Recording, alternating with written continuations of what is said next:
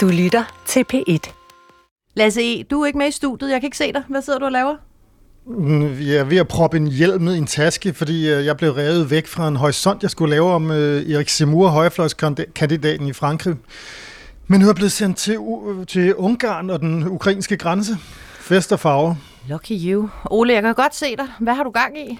Jamen, øh, jeg tog egentlig til Vejle for at besøge min mor i weekenden, men så blev der indkaldt til et ekstra forsvarsministerrådsmøde, ekstra udenrigsministerrådsmøde, ekstra energiministerrådsmøde, ekstra jeg ved ikke hvor mange møder, og så kiggede vi, jeg talte med udlandsredaktør Niels Kvale, og så sagde jeg, jeg kan simpelthen ikke nå tilbage til Bruxelles, så nu øh, har jeg siddet i DR-byen øh, siden søndag eftermiddag, og i morgen håber jeg, at der ikke er nogen ekstra møder, så kan jeg hoppe i bilen og køre tilbage hjem til Bruxelles.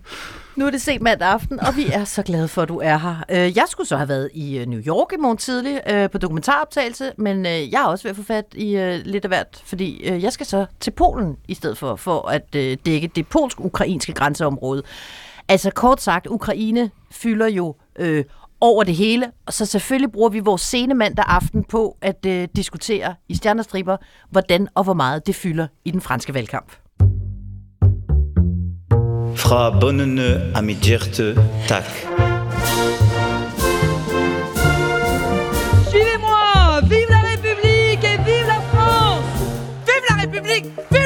Et surtout, vive la France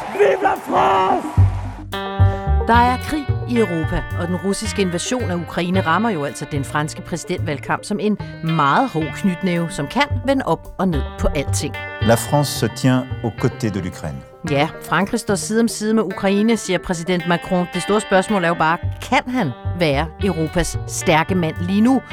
Og hvad taler han egentlig i telefon med Putin og Zelensky om? Og hvad siger de Putin-venlige franske højrefløjskandidater Marine Le Pen og Eric Zemmour til det hele? Og hvad er det, stjerneskuespilleren Gerard Depardieu har gang i på sin Instagram-profil? Spørgsmålene, de er mange, men vi har jo svarene klar her i den her Ukraine-special, som vi jo altså sender midt i vores anden special, altså vores serie om de franske præsidentkandidater. Med i studiet er jo altså Ole Ryborg, normal EU-korrespondent, men nu også sprunget ud af skabet som Frankrigs aficionado, og ikke mindst som eksperten på alle de internationale perspektiver på krigen i Ukraine. Med på en linje, der har vi jo altså udlandsjournalist, øh, hushistoriker og snart også øh, Ungarns far, Lasse Engelbrecht. Og jeg kigger jo som altid på han vinker til mig. Til rette lægger ekstraordinær Lasse Berg Sørensen. Mit navn det er Stephanie Suryk. Jeg er international korrespondent i butikken. I dag mandag, vi optager jo altså som sagt øh, mandag aften, der har præsident Macron jo talt i telefon med både Ruslands Putin og Ukraines øh, præsident Zelensky. Ole, man kan sige, at Macron han jo simpelthen lader valgkamp være valgkamp lige nu. Hvad er det for en, skal vi sige, forsøgsvis malerrolle, øh, Macron han indtager?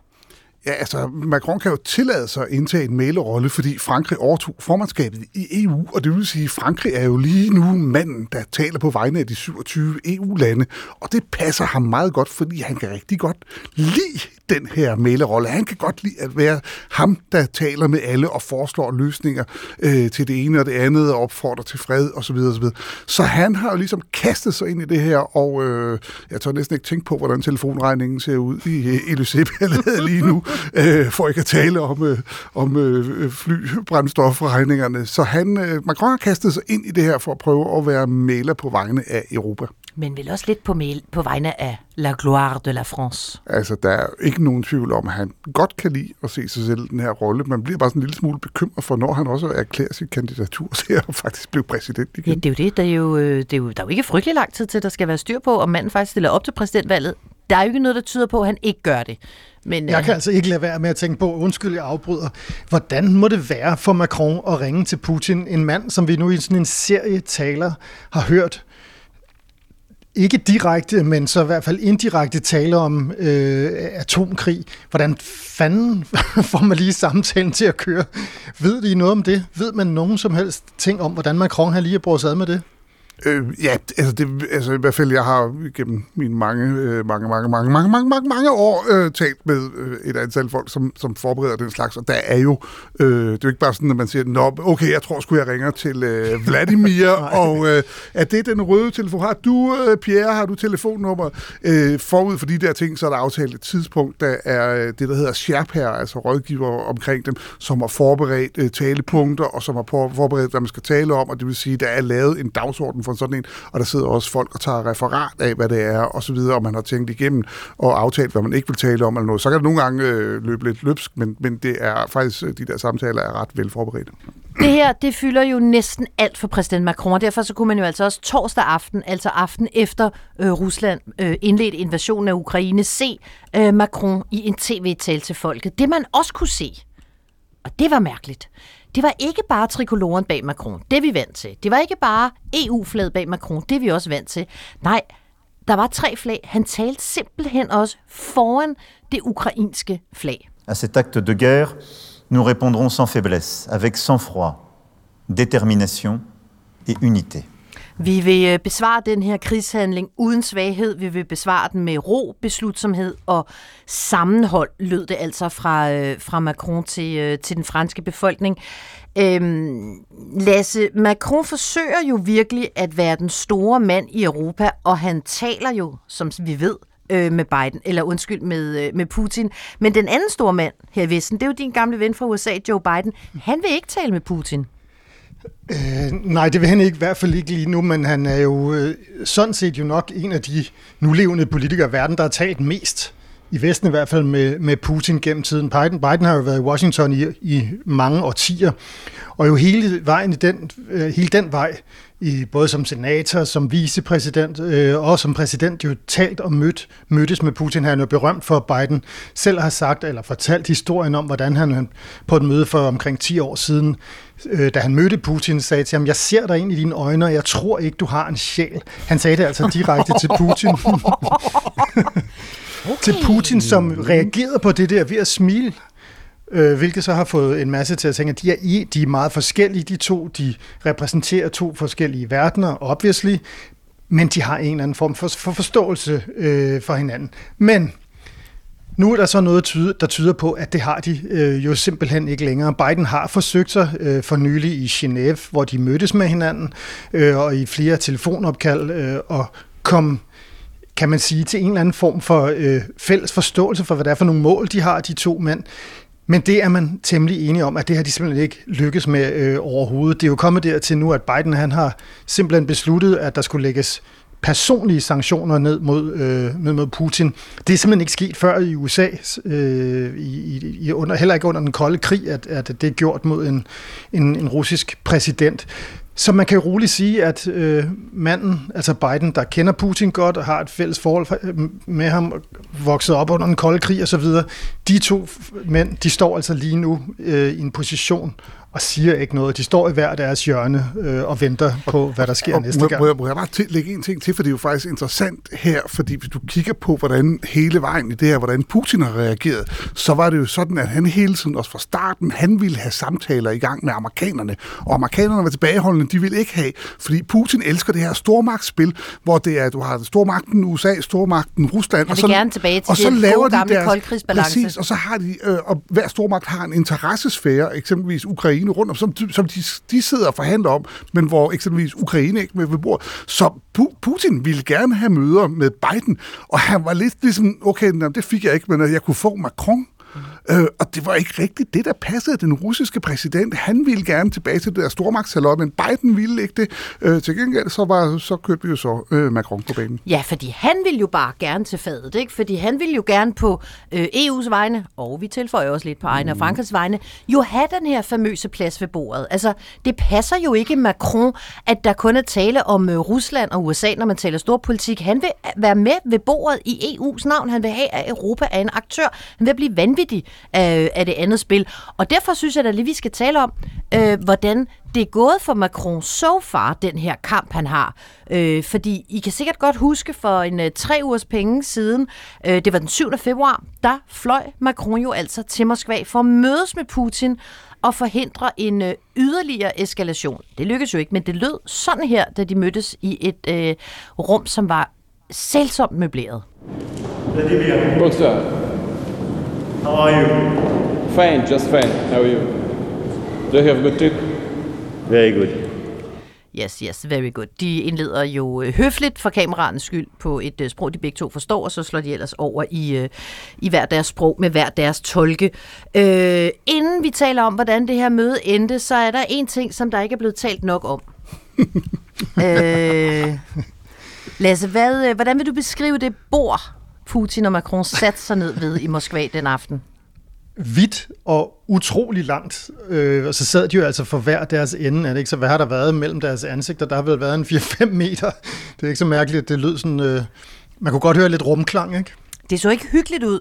Øhm, Ole, der var jo øh, alle mulige spekulationer i, hvorfor skulle de sidde med, lad os bare sige, fire meter mellem hinanden. Altså ved, øh, ved alle spisebords moder, det var der, de sad for hver deres ende.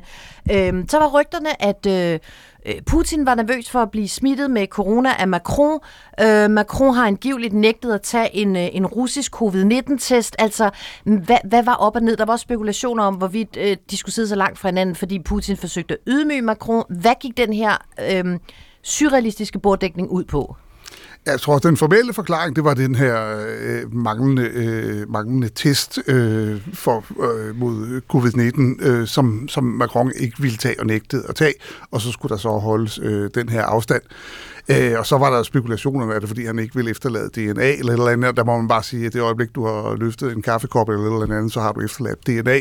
Jeg tror, hvis du skal, hvis du skal, skal kigge på i hvert fald en af tingene, det er, hvis jeg nu var den franske efterretningstjeneste, og når vi ved, hvordan øh, øh, den russiske efterretningstjeneste har en tendens til at blande både det ene og det andet i, i folks øh, te eller sprøjte ind med noget, så, så tænker jeg bare, at sukker, der, der har stået en rådgiver og sagt, at vi skal ikke have et eller andet russisk poder til at stå med en vatpind op i næsen på den franske præsident. Mm. Øh, og så var det sådan set ikke længere, at det kommer ikke til at ske. Så Men sæt det... ham ned ved et fire meter langt bord, uden noget som helst på i øvrigt, og så tale i et rum med ekstremt meget rumklang. Jeg synes, noget af det sjovt, der, der, eller sjovt er det jo ikke, noget af det her, men øh, sådan, hvad vil sige, opsigtsvækkende er, at, at Bidens, altså inderkredsen omkring Biden, hans sikkerhedspolitiske råd osv., de er jo ret meget optaget af Putins psykiske velbefindende. De mener jo faktisk, at han ligesom så mange andre jo ikke rigtig har kunne øh, klare øh, isoleringen i, under coronakrisen, og faktisk er taget så meget på vej, at han efterhånden har udviklet så mange forskellige paranoide tanker osv., at han også i det her tilfælde vil sætte selveste den franske præsident fire eller fem meter fra ham ved et vidt langt bord, for simpelthen bare at undgå at blive syg. Ah, ah, ah det ved jeg ikke. Altså, vi ved jo, at han er hysterisk bange for at blive smittet med corona, men det mener jeg bare, det er måske lidt meget at tolke, at man er øh, decideret psykisk skrøbelig, fordi man er nervøs for at blive smittet med corona. Det ved jeg ikke. Det er vilde spekulationer. Det skal vi ikke begive os ud i. Det er fuldstændig korrekt, Stephanie. Men hvis nogen kan, så er det jo Lasse. øhm... Ja, men altså, øh, der kom jo ikke særlig meget ud af det her. Gjorde der det? Altså, nu er der gået, øh, hvad der to uger efter det møde, ikke, så havlede missilerne øh, ned over Ukraine. Mm. Russerne rykker ind fra flere forskellige fronter. Hvordan øh, tager Macron det? Altså, hans indsats har vel slået fejl, er den ikke? Altså, det var jo ikke nogen succes. Det var fire timer ved verdens længste bord. Angiveligt blev der jo serveret lidt mad, øh, efter kameraerne var slukket. Øh, de forlod bordet og, og sagde jo øh, begge to på forskellige vis, Nå, men det var selvfølgelig en god snak, og vi vil gerne øh, arbejde i retning af en større enighed osv. Macron var ret stolt. Jeg ved ikke, om han drømte om at få Nobels fredspris eller hvad, men altså, han paradede lidt det her møde øh, med Putin som øh, mm, indledende skridt på, på en, en vej i retning af en øh, deeskalering af, af konflikten.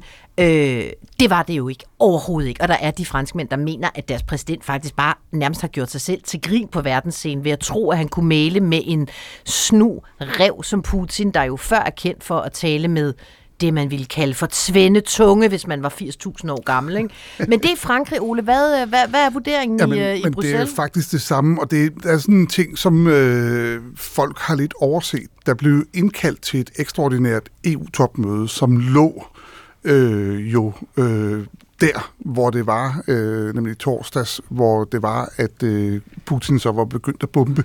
Men hvis man lægger mærke til det, så var det topmøde jo faktisk indkaldt inden Putin begyndte at bombe, men hvor det hele fortsatte. Og som øh, snakken gik, i hvert fald hos nogle diplomater, jeg har talt med i Bruxelles, så var det jo, at vi har brug for det, eller Macron har brug for det topmøde, fordi han er blevet played by Putin, han, øh, og han havde brug for at, at mødes med de øvrige EU-ledere for at forklare, hvorfor øh, det ikke var gået, som han havde på en eller anden måde stillet EU-lederne i udsigt, at det ville gå med hans diplomati. Øh, og så blev det jo så i mellemtiden øh, så meget værre, fordi så viste det sig ikke alene, at diplomatiet ikke havde fungeret, men bomberne var begyndt at regne ned over, men topmødet var faktisk indkaldt allerede inden Putin begyndte at øh, bombe og rykkede ind over grænserne, og det var faktisk et topmøde for, at Macron skulle have en mulighed for at forklare de øvrige ledere, hvorfor han ikke rigtig var lykkes med det, han havde bildt sig selv og andre ind, at han ville lykkes med. Aha. Ja, jeg skulle sige, var det svar nok, Lasse? Det var Ja, ja. kort sagt en fiasko. Mål i Frankrig og i Bruxelles. En fiasko. Det kan jo godt være, at øh, Joe Biden er en gammel snurev, øh, og at hans strategi med lige nu i hvert fald at at holde sig lidt i baggrunden og lade være at ringe for meget til Vladimir, faktisk er, er meget fornuftigt. The only thing we have to fear, it is fear itself.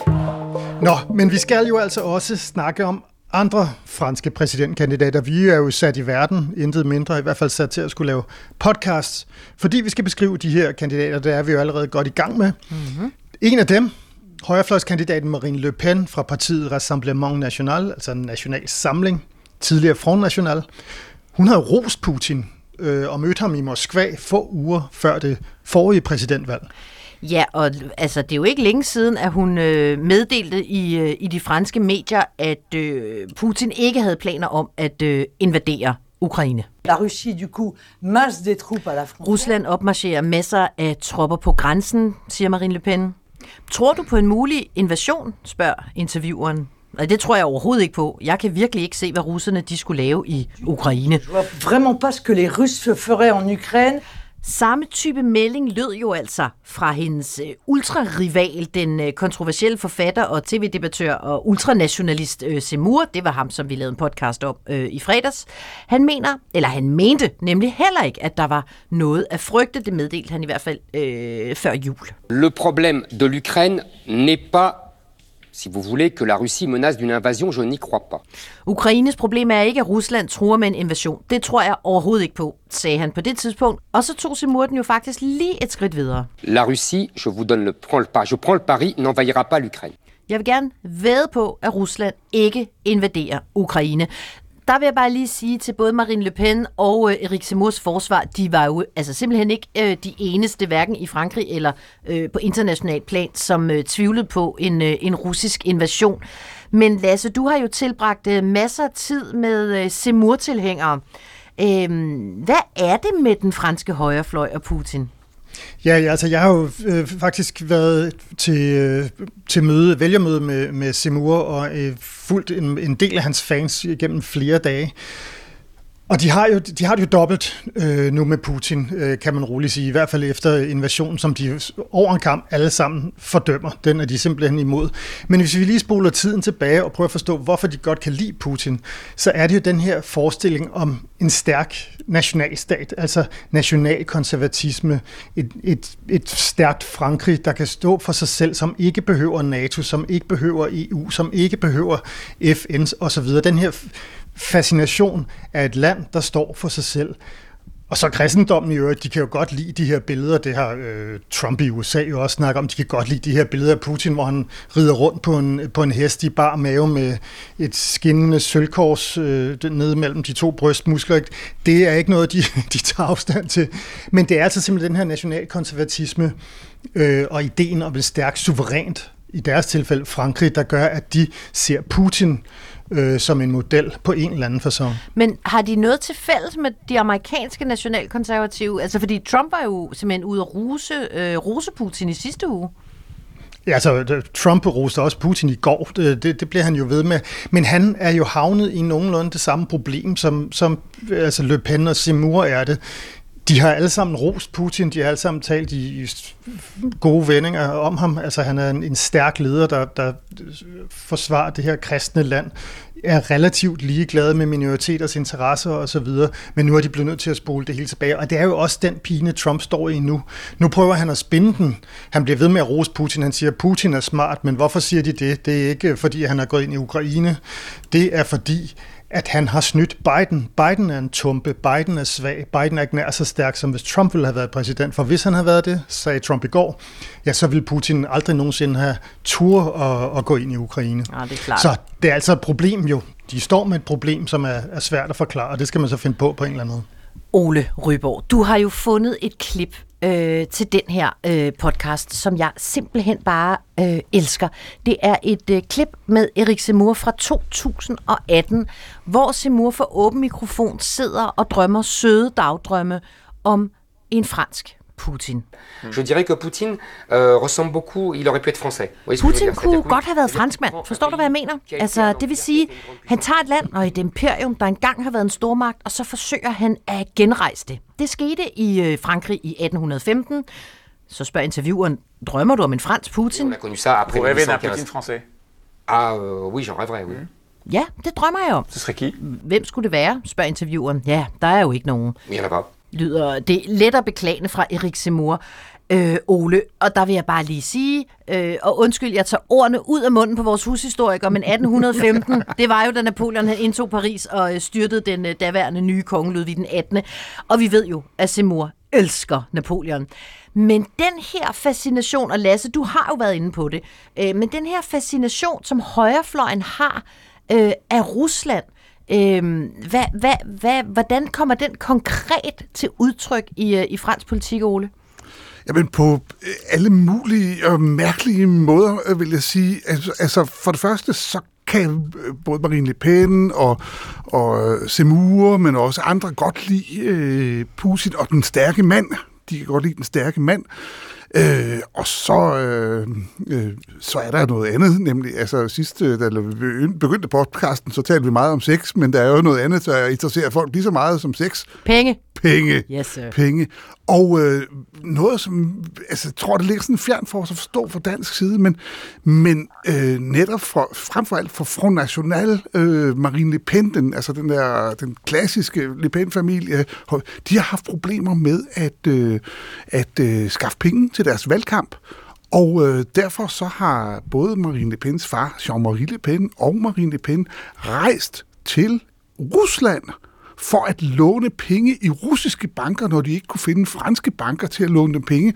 Og vi taler altså om, at det her Le Pen-imperium har lånt over 70 millioner kroner i Rusland til at føre valg, præsidentvalgkamp fra, i Frankrig.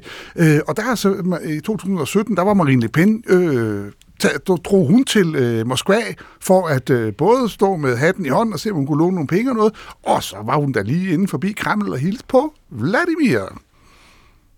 Det er vildt. Undskyld, jeg bliver helt stille, Lasse. Så, ja, det, det gør jeg også. Det er lige en kry op fra amerikansk politik, det der med, at man lige men, henter en masse millioner, millioner af Rusland. Det er trods alt en slat, ikke? Men, men Stefanie... tage dem tilbage. ja, ja, ja, du, du tror, det er løgn, Lasse, men faktisk så var der her for et års tid siden, tror jeg det var, øh, historien om, hvordan der ikke var blevet betalt tilbage, og der kom et rykkerbrev øh, med juleposten, og det blev en stor øh, historie. Altså rykkerbrev fra Kreml? Fra, nej, fra, den, fra et, et, et rykkerfirma, altså en, øh, en kassofirma i, øh, i Rusland, som sendte besked om, at I mangler det her, og, sådan noget. og så var det så dukkede det selvfølgelig op i fransk presse, og, sådan, og til sidst så endte det så med, at det var så, nu kunne de Front National, eller, eller Le Pens folk sige, at det var løst øh, amical, altså venskabeligt på en eller anden måde. Ingen rigtig ved, hvordan det var uh. så der er sådan, men, men må jeg lige spørge dig, Stefanie, i det her, fordi det her med, at, at, at du har set uh, Le Pen uh, tage over og låne penge, hendes far gjorde det, osv., osv. Altså, fordi for, jeg tænker, i Danmark, så havde det jo, der var kommet rammerskrig for en politiker, der gjorde det, men det virker jo ikke som om, at franskmændene har, har... Nå, men først og fremmest, det er jo ikke ulovligt, og det kan man måske undre sig over, at man må låne penge hos fremmede, mere eller mindre fremmede magter øh, for at føre en, en intern øh, valgkamp. Det er jo blevet øh, kritiseret øh, visse steder fra, selvfølgelig i Macrons egne rækker i hans parti. Øh, han oplevede jo også selv under valgkampen i 17, hvordan øh, russerne forsøgte mm. at øh, rode med nogle forskellige cyberangreb og noget fake news og sådan noget. Det battede nu ikke det store, fordi fransk presse ikke bed på. Øh, men, men det, det er rigtigt, at det skaber ikke ramaskrig, som det givetvis øh, ville gøre i, øh, i Danmark, og for slet ikke at snakke om i amerikansk politik, hvis der var en amerikansk ja. præsidentkandidat, der gik ud og lånte øh, 70 millioner i, øh, i Moskva og omegn. Altså, det ville jo være, øh, altså, det ville jo være at sætte punktum for sin egen kampagne, ikke? At det havde jo nok fældet Trump. Altså, der var mange andre forskellige russiske forbindelser, der ikke fældede ham, men 70 millioner øh, dollars eller et eller andet i den retning fra Rusland havde sgu nok været et problem, tror jeg. Bonjour à tous, mesdames et messieurs. Merci, euh, merci à vous. Nå, men det er jo altså ikke kun i fransk politik, at øh, krigen i Ukraine har gjort sit øh, indtog. Vi ser det jo i kulturverdenen, vi ser det i sportsverdenen, vi ser UEFA flytte Champions League-finalen øh, til... Hvornår er det, Lasse? Det må være til maj. Maj. Fra... Øh, sådan, Vejle Boldklub, Ole Ryborg. Fra øh, St. Petersborg til Paris. Øh, Hvordan er Vejle i finalen? Ikke i år. Jeg bliver nødt til, ikke at det har noget med noget at gøre, men jeg bliver bare nødt til at fortælle, hvad Ole Ryborgs katte hedder. Eller Ole, vil du selv fortælle det? Du har Nej, to katte, ikke? Jo, jeg har to katte, ja. Må jeg sige, hvad det hedder? Ja, det må du godt. Vejle og Boldklub. Det er rigtigt. Det er Sådan. altså, det er next level. Nå, øh, så Champions League rykker altså til Paris, kan man sige. Så fik Macron måske bare øh, lidt til gengæld for de lange tabte timer ved lange øh, øh bord i Moskva. Øh, Eiffeltårnet er selvfølgelig, som vi har set alt muligt andet rundt om i Europa, lyst op i de ukrainske farver. Øh, I øvrigt på en anden præsidentkandidats initiativ, nemlig Paris' socialistiske overborgmester Anita Hidalgo, der jo gerne vil være præsident, men jo har så slået målinger lige nu, at vi faktisk nærmest ikke med en lup kan finde øh, damen nede i, øh, i bunden. Det er ikke glade tider for Hidalgo, men i det mindste så fik hun altså Eiffeltårnet til at stråle øh, både blåt og gult. Men det er jo bare ikke alle, der, der støtter Ukraine. Det må vi jo bare konstatere. Det lyder sådan. Solidariteten er stor, symbolikken er stor, spørgsmålet om debat er noget. Men der er altså også stemmer, som vidderligt stadig hylder Putin. Og en af de stemmer, det er en af mine franske yndlingsstemmer. Den tilhører jo Gérard Depardieu, Frankrigs store skuespiller. På alle måder. Enorme skuespiller. Som jo altså simpelthen valgte at blive russisk statsborger i 2013, fordi han var skide rasende, pardon my French, over skattetrykket mm. i Frankrig. Øh, og han er ven med Putin. Må jeg bare sige, at han forsøgte jo faktisk at blive belgisk statsborger, fordi der er Nej. sådan en særlig skatteordning, som det gør, at du kan... Det er en del franskmænd, der benytter sig af den finte, og så tager de lige sådan, og så får de også et belgisk øh, statsborgerskab, og så kan de mindske deres Altså, skat på den måde. Belgien ikke have ham? Jeg Så ikke- jeg Belgien simpelthen først, og så Rusland jeg, kan, jeg, bagefter. kan ikke, jeg kan ikke huske detaljerne, men jeg kan bare huske, at der var, der var, en, øh, der var en runde med Depardieu og Belgien. Jeg kan jo stadigvæk ikke forstå, at folk frivilligt flytter til Belgien, Ole, men det er jo en snak, vi må have for lukkede mikrofoner. Det, det, det, er, jo, det er jo ikke nu. Det er jo ikke nu. Lasse, hvad er dit forhold til Depardieu? Altså, Depardieu har jeg sådan et ret traumatisk forhold til, fordi jeg voksede jo op øh, og oplevede min mor og hendes veninder og så videre se film med Gerard Depardieu, hvor han jo var den her lidt meget atypiske Hollywood, øh, atypisk for Hollywood første elsker, ikke? Altså med sin, skal vi sige, øh, franske næse, mm-hmm. er det en god måde at beskrive det Ja, på, ja. og, og mærkelige hoved og så videre, men jo også meget øm og skæv på sin egen måde. Derfor er en first lover øh, af første kaliber i lang tid. Jeg synes, han var røv irriterende. Nej. Men han var jo stor... Jo, han var forfærdelig. Forfærdelig. Jeg elskede ham. nu går der ikke øh, filmmagasinet i den her. Øh, vi skal lige huske på, at han jo altså blev ven med Putin i 13, og da han ligesom fik tilbudt en, øh, ikke bare et statsborgerskab, men også en øh, lejlighed i en eller anden betonsøjle i Rusland, øh, der blev der altså taget imod ham med åbne arme. Så åbne, at det lød sådan her, da Putin og Depardieu mødtes på russisk jord. Der er sniksnak, der er sniksnak, og det kommer nu. Det var de famøse mandedunk i ryggen. De står simpelthen og klasker hinanden i ryggen, mens de f- forsvinder dybt ned i hinandens øh, brede fagne. Det er det, vi mænd kan. Men altså, så i sidste uge, der vælger Gérard Depardieu at øh, oprette en profil på Instagram, altså det sociale medie, hvor han ikke har øh, huseret før. Han lægger et eller andet billede op af sig selv, og så dagen efter, i sidste uge, to minutter i invasion, så lægger han et nyt billede op. Et billede af Depardieu, som sidder foran et andet billede.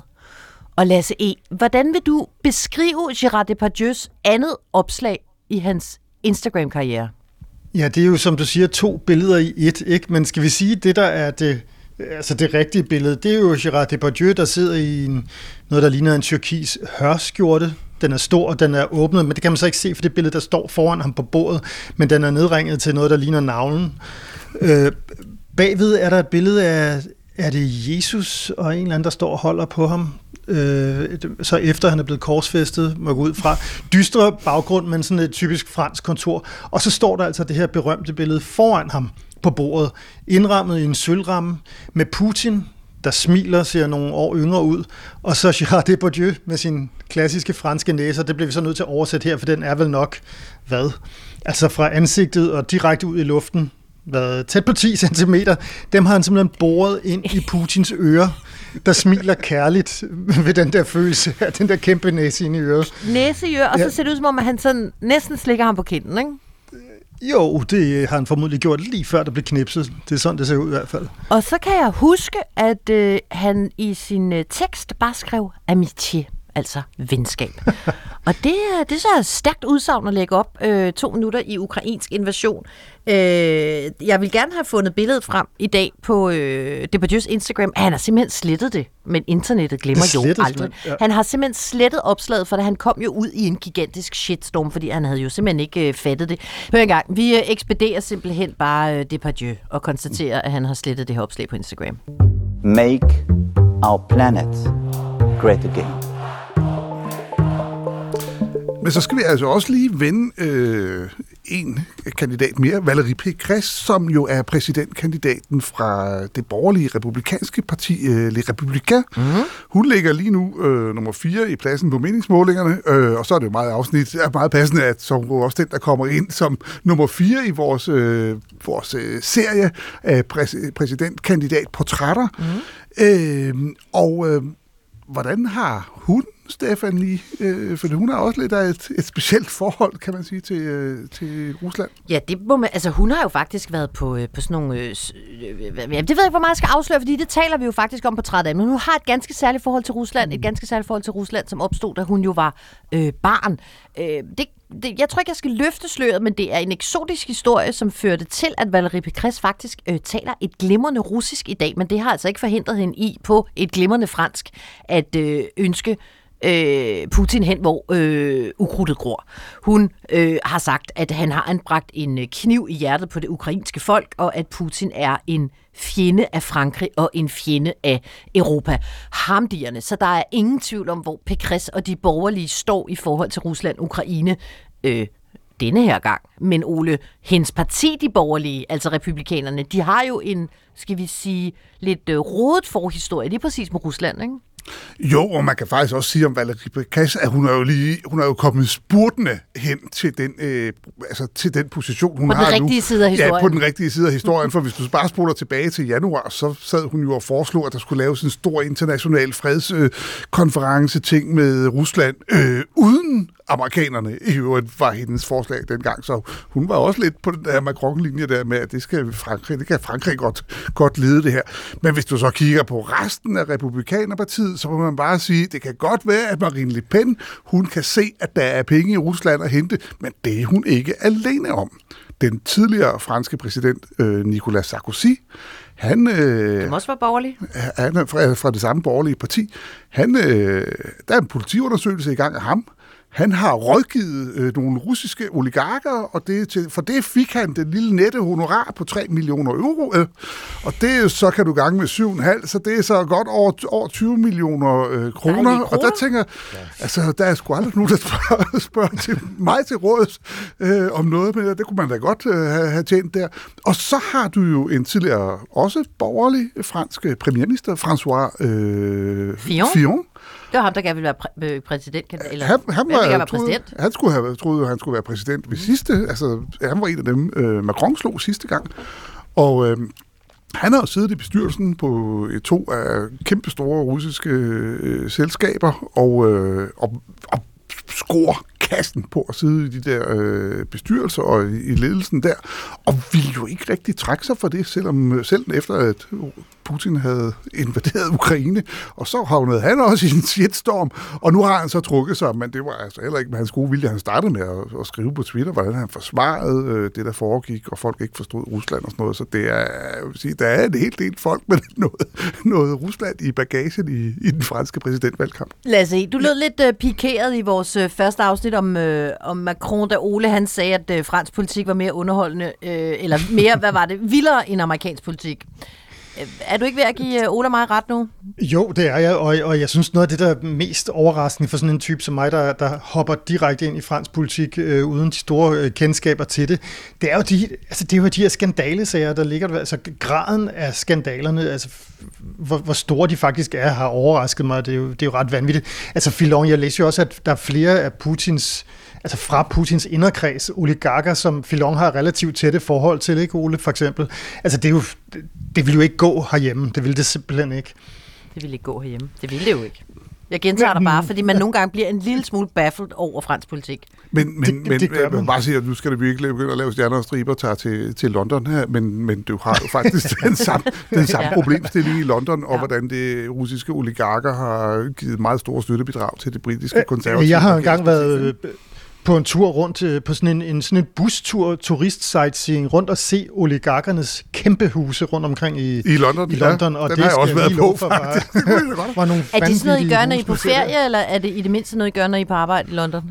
Nej, det er, når vi har været på historisk museum, så tager vi sådan en tur bagefter. ikke? Nå venner, prøv at høre, vi skal lige øh, vi skal have rundet det her af. Vi bliver nødt til at se fremad. Der er et øh, topmøde på fransk jord, nemlig øh, på øh, Versailles-slottet den øh, 10. marts. Hvad, Ole, skal vi regne med, der sker der?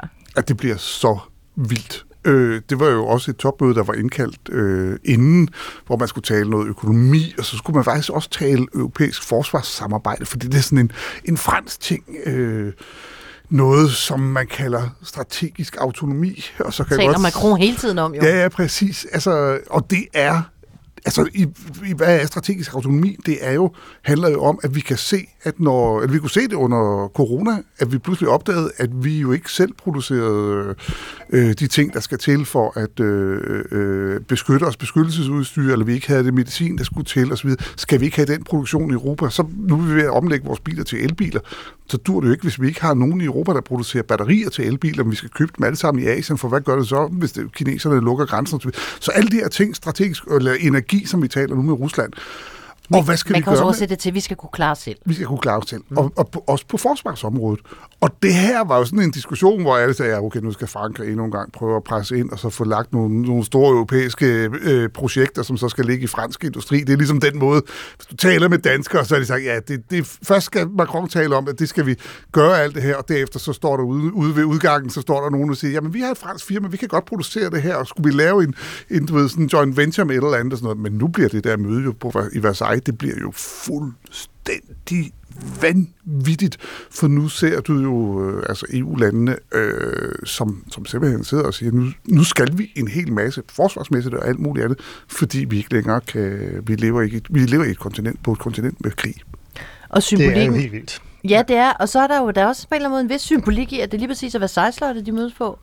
Ja, det var også vildt. Altså, hvis du går tilbage, altså, det er jo, det er jo simpelthen, altså, det, alt er vildt for øjeblikket. Altså, først så var det jo, altså, hvis du går sådan tilbage og kigger på, hvad, man har skrevet under af ting og sager mm. øh, på Versailles, ja, først så var der jo, da tyskerne, de ligesom slog franskmændene, så lavede de en, øh, en aftale der, og det blev så for at ydmyge franskmændene yderligere, og så blev den underskrevet i Versailles. Nå, men da der så kom den næste krig, og så var det franskmændene på den vindende side, ja, hvad lavede man så? Så lavede man en ny øh, traktat, hvor skulle den så underskrives for at ydmyge tilbage? Det skulle den på Versailles. Så, øh, så jeg vil sige, at det, der er foregået i de gyldne sale i Versailles, det er jo i hvert fald stormagtspolitik og europæisk stormagtspolitiks historie i en grad, som... Øh, at, og jeg skal i hvert fald til, jeg skal til Versailles. Der, der kan du godt lide at være. Det kan vi jo godt lige afsløre, ikke, Lasse E., at vi har jo faktisk været på Versailles, fordi vi var jo på, på roadtrip øh, for nogle uger siden, og forproduceret, som man siger på, øh, på tv'sk, eller på podcasts. På tv sker intet mindre. Jeg har jo faktisk været med Solkongen og Marie Antoinette øh, sightseeing ved Versailles. Det er der ikke mange, der kan stikke. Hvem, hvem er det? Hvis man, vil, hvis man vil høre mere om det, så synes jeg, man skal høre næste episode af Stjerner Striber. Ej, du er så flabet. Nå, prøv at høre, vi skal jo vi skal simpelthen til at runde af. Vi skal videre til øh, en buket af europæiske lande. Bruxelles, vi skal til Belgien, vi skal til Ungarn, vi skal til Polen. Fredag er Stjernestriber tilbage med øh, et nyt afsnit fra den her famøse øh, tur, vi har været på rundt i Frankrig. Øh, vi har været hos Macron, vi har været hos Zemmour på fredag, der handler det om Marine Le Pen. Øhm, og der vil jeg da bare lige uden at afsløre for meget, Ola Lasse, spørge jer. Øh, lad mig begynde med dig, Ole. Hvad, hvad tager I sådan især med jer fra øh, optagelserne til Marine Le Pen-afsnittet, der kommer fredag? Altså, det var jo, da du øh, sagde, vi skal hen til, og jeg kan ikke sige så meget andet, du sagde, vi skal til spøgelseshuset. Vi skal ikke afsløre, hvis spøgelseshus det var, eller, men Lasse, fortæl lige, hvad du især tager med dig fra øh, optagelserne til Marine Le Pen-afsnittet. Oh, der er mange ting. Øh, den historie med Le Pen-familien er jo fuldstændig vanvittig, og højdepunktet må jo være at forsøge at finde ud af, hvorfor et glasøje og en urne med en gammel kvindes aske blev byttet øh, mellem to advokater ude i Bologna-skoven. Ja, og jeg vil så aldrig nogensinde glemme, hvordan vi øh, klatrede rundt på øh, Slakkerbjerge i lukkede kulminer oppe i Nordfrankrig i selv samme afsnit, og i øvrigt begyndt at synge fællessang. Øh, men det, alt det og meget mere øh, på fredag. Jeg vi synes, kan love musik. Ja, vi kan også love musik, men jeg synes, vi skal give det sidste ord til øh, Valérie Pécresse, altså den eneste af de fire præsidentkandidater, så vidt vi ved, der taler øh, nogenlunde flydende russisk. Hende taler vi jo altså om på næste fredag, men hør lige, hvordan russisk lyder med sådan en dejlig, blød fransk accent. Я хочу сказать гордому русскому народу, что мы должны вместе... Jeg vil sige til det stolte russiske folk, at vi skal skabe fred i Europa, og at skabe en krig med Ukraine ville være en frygtelig fejl. Det sagde Valérie Pécresse altså vel at mærke før invasionen i Ukraine. Hende kan I møde i Stjerner Stripper tager til Frankrig. Altså, I kan ikke møde hende. Vi går i damens fodspor, og det gør tænk, vi noget til Man tænker jo lidt, hun måske skulle have sagt det på russisk tv, og ikke på fransk. Det havde nok hjulpet helt gevaldigt mere. Det her, det var jo bare i virkeligheden ren blæring, men det virkede. Det virkede. Øh, Lasse, god tur til øh, Ungarn. Ja, tak, og i lige måde i øvrigt. Jeg skal jo ikke til Ungarn, jeg vinder Polen. Mm, altså Polen? Ja, ja, vi mødes i grænselandet. Ole, god tur til øh, Bruxelles. Jeg kører, til, øh, kører tilbage til Bruxelles i morgen. Vi fiser ud i verden. Ha' det godt. Vi snakkes ved. Hej. Hej.